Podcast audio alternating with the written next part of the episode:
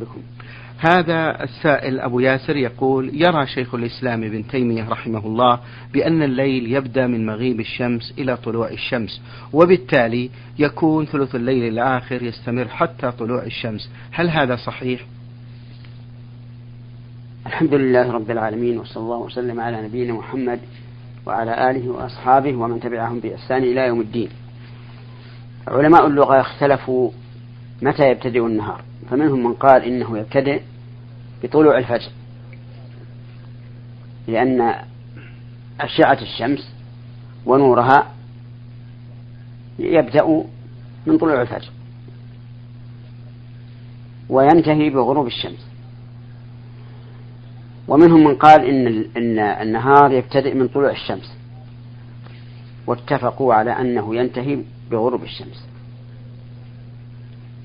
والذي يظهر أن النهار الشرعي يبتدئ بطلوع الفجر. لقول الله تبارك وتعالى في الصيام فالآن باشروهن وابتغوا ما كتب الله لكم وكلوا واشربوا حتى يتبين لكم الخيط الأبيض من الخيط الأسود من الفجر ثم أتموا الصيام إلى الليل أي إلى غروب الشمس. وأما في اللغة العربية والظاهر أيضا في الاصطلاح الفلكي فإن النهار يبدأ من طلوع الشمس إلى إلى إلى غروبها. فلا يعتبر الضوء السابق عليها الذي يبتدئ بطلوع الفجر كما لا يعتبر الضوء المتخلف عنها إذا غابت. نعم. أحسن الله إليكم. السائلة مريم ميم عين من المملكة العربية السعودية تسأل وتقول ما رأي فضيلتكم حفظكم الله في الاستماع إلى الأناشيد التي تعرف بالأناشيد الإسلامية؟ لا أستطيع أن أحكم عليها حكما عاما لأنها تختلف. فإذا أخرجت مخرج الأغاني الهابطة السافلة كانت حراما.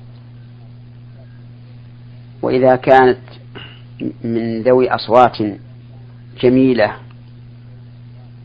تفتن السامع كانت حراما. وإذا تضمنت معاني باطلة كانت حراما. وإذا صحبها طبول أو موسيقى كانت حراما. ولهذا لا أستطيع أن أحكم عليها على وجه عام بالحل أو بالتحريم حتى أنظر ماذا يتضمنه هذا الشريط. تقول في على أن في الاستماع إلى كتاب الله عز وجل والأحاديث النبوية والمواعظ والأحكام الفقهية ما هو خير منها؟ نعم. أحسن الله إليكم. تقول حدثونا عن الوتر وعن حالاته وما عن الوتر وما أقل ركعاته وما أكثرها مأجورين. الوتر سنة مؤكدة لا ينبغي للإنسان تركه حتى إن بعض أهل العلم قال إنه واجب لا يجوز تركه. ونقل عن الإمام أحمد رحمه الله قوله في من ترك الوتر. إنه رجل سوء لا ينبغي أن تقبل له شهادة. وأقله ركعة قبل الفجر. وأكثره إحدى عشرة ركعة. فمن أوتر بركعة فأمره ظاهر. يصلي ركعة ويتشهد ويسلم وانتهى. ومن أوتر بثلاث فهو بالخيار. إن شاء سلم من ركعتين وإن شاء سرد الثلاثة جميعا بتشهد واحد. ومن أوتر بخمس سرد الخمس جميعا بتشهد واحد. ومن أوتر بسبع فكذلك. ومن أوتر بتسع فإنه يجلس عقب الثامنة ويتشهد ولا يسلم ثم يأتي بالتاسعة ويتشهد ويسلم. ومن أوتر بإحدى عشرة ركعة سلم من كل ركعتين. ووقت الوتر من بعد صلاة العشاء وسنتها إن كان يريد أن يصلي السنة إلى طلوع الفجر. وآخر وقته أفضل لمن طمع أن يقوم من آخر الليل وإلا أوتر قبل أن ينام.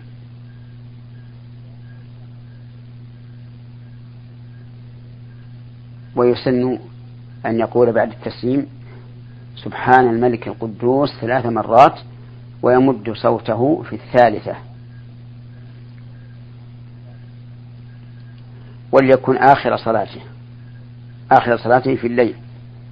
لقول النبي صلى الله عليه وعلى آله وسلم اجعلوا آخر صلاتكم بالليل وترا. لكن من خاف ألا يقوم من آخر الليل وأوتر أوله ثم قدر له فقام فإنه لا يعيد الوتر بل يصلي ركعتين ركعتين إلى أن يطلع الفجر. نعم. أحسن الله إليكم. السائلة أم علي من الطائف تقول بأنها امرأة لم تصم شهرين من رمضان بسبب شدة الحر لأنها كانت تعيش في البادية وتقوم برعي الأغنام طوال العام وكانت الحرارة شديدة جدا في ذلك الوقت حتى الكبار لم يستطيعوا الصيام. تقول كنت أبلغ من العمر خمس عشرة سنة. في حينها أيضا جهلا مني. كنت أصلي أحيانا وأترك أحيانا وهذا منذ عشرين عاما والآن أنا محتارة. هل أصوم ذلك أم أطعم؟ وماذا علي تجاه الصلوات الفائتة؟ يجب عليها أن تقضي ما ترك الصيام. من بعد بلوغها. وأما ما كان قبل البلوغ فلا فلا يلزم قضاؤه لأنه ليس بواجب. والصلاة إن قضتها فهو أحسن وإن لم تقضيها فلا حرج. التوبة تهدم ما قبلها. وإنما قلت إن إن قضت فهو أفضل لأنها لم تتعمد الترك. تهاونا فيما يظهر ولكن جهلا. وأما من ترك الصلاة عمدا متهاونا ثم من الله عليه واستقام فإنه لا يقضيها. لا يقضي الصلاة وذلك لعدم الفائدة من قضائها. إذ لو أنه قضاها ألف مرة لم تنفعه. لقول النبي صلى الله عليه وعلى آله وسلم من عمل عملا ليس عليه أمرنا فهو رد أي مردود عليه. ومن تعمد ترك الصلاة عن وقتها بلا عذر فقد عمل عملا ليس عليه أمر الله ورسوله فيكون مردودا. نعم. في ثاني أسئلة السائلة من الطائف أم علي تقول امرأة جامعها زوجها في نهار رمضان وهو صائم وهي مفطرة بسبب الحمل الحكم هنا مأجورين؟ بالنسبة للزوج هو آثم عليه أن يتوب إلى الله وأن يكفر بعتق رقبة فإن لم يجد صام شهرين متتابعين فإن لم يستطع أطعم ستين مسكينا. أما بالنسبة للمرأة فليس عليها شيء لأنها مفطرة. جزاكم الله خيرا. السائل أحمد علي من جمهورية مصر العربية يقول أرجو منكم يا فضيلة الشيخ مأجورين أن تجيبوا على سؤالي لعل الله أن يجعل في إجابتكم إنقاذا لي من حيرتي. يقول في سؤاله لقد عاهدت الله منذ سنوات أن أترك ذنبا معين معينا كنت أقترفه وكانت نيتي أن أترك هذا الذنب بالفعل. يقول وفعلا استمريت فترة على عهدي ولكن بعد ذلك اقترفت هذا الذنب وانقطعت عن الصلاة كسلا ثم عدت أصلي ثم انقطعت وهكذا عدة مرات.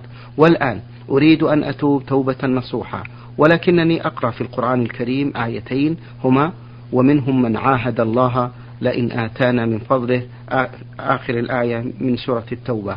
والآية الثانية إن الذين كفروا بعد إيمانهم ثم ازدادوا كفرا لن تقبل توبتهم. الآية من سورة آل عمران. وعرفت أن تارك الصلاة كافر تبعا للحديث النبوي. وقرأت في التفاسير هذه الآيات في كتاب آه، تفسير ابن كثير. ففهمت أن هاتين الآيتين نزلتا في ناس ليس لهم توبة. وأنهم عرفوا أنهم من أهل جهنم من الدنيا والعياذ بالله. وأنا الآن في حيرة شديدة.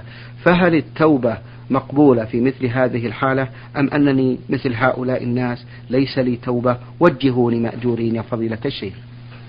نعم. أقول تب إلى الله عز وجل توبة نصوحا. واترك ما عهدت الله عليه. أي على تركه كفارة يمين. لفعلك إياه. وإنني أنصحك وأنصح غيرك عن النذر حتى لو كان النذر طاعة أو ترك معصية. لأن النبي صلى الله عليه وعلى آله وسلم نهى عن النذر وقال إنه لا يأتي بخير وإنما يستخرج به من البخيل. وقال إنه لا يرد قضاء. وصدق النبي صلى الله عليه وعلى آله وسلم. فإن البخيل هو الذي تحاوره نفسه أن لا يتصدق فينذر أن يتصدق. ويقول لله عليه نذر أن يتصدق بكذا. وكذلك المريض يمرض فييأس من من الشفاء فينذر إن شفاه الله تعالى لا يفعلن كذا وكذا. وهذا النذر لا يرد, لا يرد قضاء. لأن الله إن كان قد قدر شفاءك فستشفى بلا نذر وإن قدر عدم الشفاء بقي المرض وإن نذرت. وما أكثر الناذرين الذين إذا خالفوا ما نذروا. ذهبوا إلى كل عالم لعلهم يجدون مخرجا. فنصيحتي لإخوان المسلمين أن يدعوا النذر وأن يسأل الله تبارك وتعالى من فضله الشفاء والحياة, والحياة السعيدة بدون أن يلجأوا إلى النذر. واللاجئ إلى النذر في ترك المعصية. يدل فعله على أنه ضعيف العزيمة والهمة. إذ لو كان قويا نحتاج إلى النذر نسأل الله لإخواننا التوفيق لما يحب ويرضى. نعم. أحسن الله إليكم. هذا سائل يقول فضيلة الشيخ ما حكم من ترك عدة رمضانات؟ تساهلا وجهلا أو عدم مبالاة واتباعا للهوى والشيطان؟ هل يقضي الآن بعد هذه السنوات خصوصا إذا كان تركه هذا من سنوات مضت؟ أكثر أهل العلم على أنه يلزمه القضاء فإن لم يفعل لم تصح توبته. ولكن القول الراجح أنه لا يلزمه القضاء. نقول هذا ليس رفقا به ولكن تشديدا عليه. لأنه لو قضى لم يقبل منه. أي فائدة في عمل لا يقبل. وإنما قلنا إنه لا يقبل منه. لأن من تعمد تأخير العبادة المؤقتة عن وقتها بلا عذر ثم أتى بها فقد أتى بها على غير ما أمر الله به ورسوله فتكون مردودة عليه لقول النبي صلى الله عليه وعلى آله وسلم من عمل عملا ليس عليه أمرنا فهو رد أي مردود عليه. وعلى هذا الذي ترك هذه سنوات في من رمضان أن يتوب إلى الله ويصلح العمل ويستقيم ويسأل, ويسأل الله الثبات. نعم. أحسن الله إليكم يقول هذا السائل ما حكم صلاة الكثير من الناس الذين يتركون قراءة الفاتحة؟ وما الفرق فضيلة الشيخ بين الركن والواجب في الصلاة حينما يتركه المصلي سهوا أو عمدا؟ يقول إن الكثير يتركون قراءة الفاتحة. ولا أدري عن صحة هذا القول. لأن الناس قد اشتهر عندهم أنه لا بد من قراءة الفاتحة. وقراءة الفاتحة ركن من أركان الصلاة. لا تصح الصلاة إلا به. فمن ترك قراءة الفاتحة في أي ركعة من الصلوات بطل الصلاة. يعني لو ترك قراءة الفاتحة في الركعة الأولى وأتم الصلاة فصلاته باطلة لا تقبل. نعم. لأنه لا بد من قراءة الفاتحة في كل ركعة. وإذا تركها سهوا فإن ذكر قبل أن يقوم إلى الثانية وجب أن يرجع إلى الأولى ويقرأ الفاتحة ثم يكمل. يعني يستمر في صلاته. ومن ذكرها أي الفاتحة بعد أن رفع للركعة الثانية صارت الركعة الثانية هي الأولى ولغت الركعة الأولى لأن لأنه لأنه لم يقرأ فيها الفاتحة.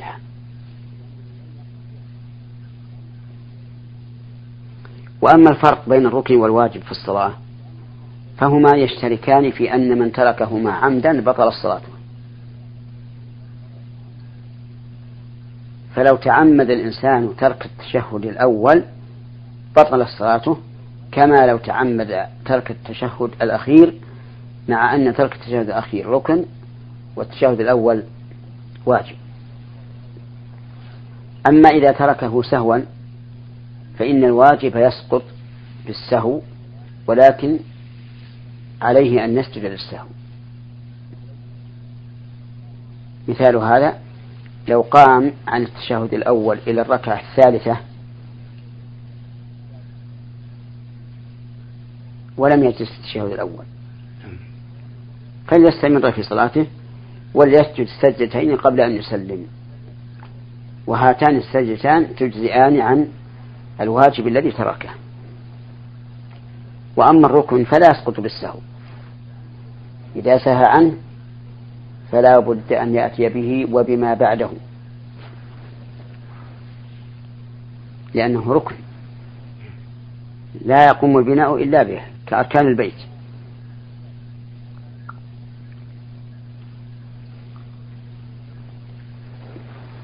هذا هو الفرق. فلو فرض أن رجلا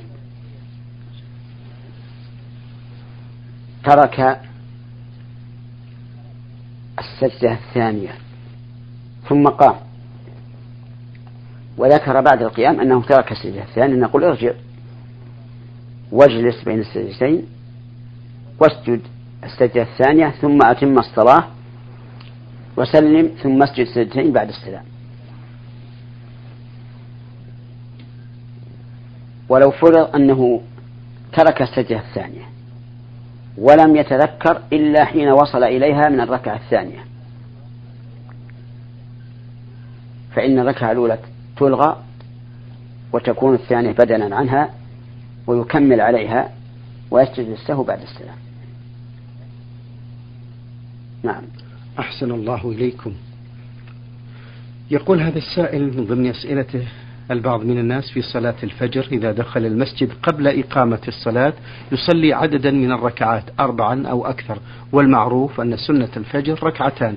فهل يجوز ذلك؟ إذا كانت الأربع بسلامين متعمدا ذلك. نعم. فهي باطلة فالصلاة باطلة. لقول النبي صلى الله عليه وسلم صلاة الليل والنهار مثنى مثنى.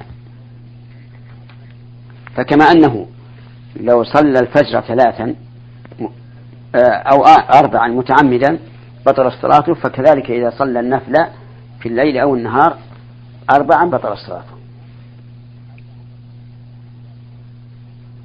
وأما إذا كانت الأربع بسلامين فإن هذا خلاف السنة لأن الأفضل أن لا يصلي بين الأذان والإقامة في الفجر إلا سنة الفجر فقط. لكن لو صلى السنة في بيته ثم أتى إلى المسجد قلنا له لا تجلس حتى تصلي ركعتين تحية المسجد. نعم. أحسن الله إليكم وبارك فيكم. يقول هذا السائل فضيلة الشيخ كم عدد الرضاعات المحرمة مأجورين؟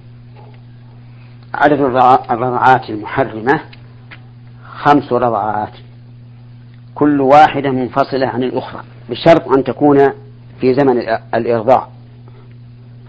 وزمن الإرضاع سنتان. فلو رضع بعد السنتين فلا عبرة برضاعه. وقيل إن المعتبر الفطام سواء قبل السنتين أو بعدهما. فمتى رضع قبل الفطام؟ فالرضاع معتبر ومتى رضع بعد الفطام؟ فالرضاع غير معتبر.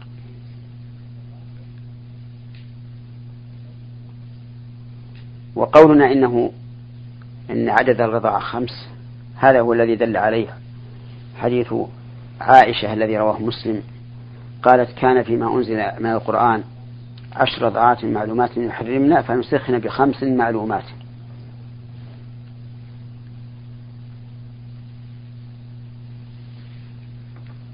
نعم.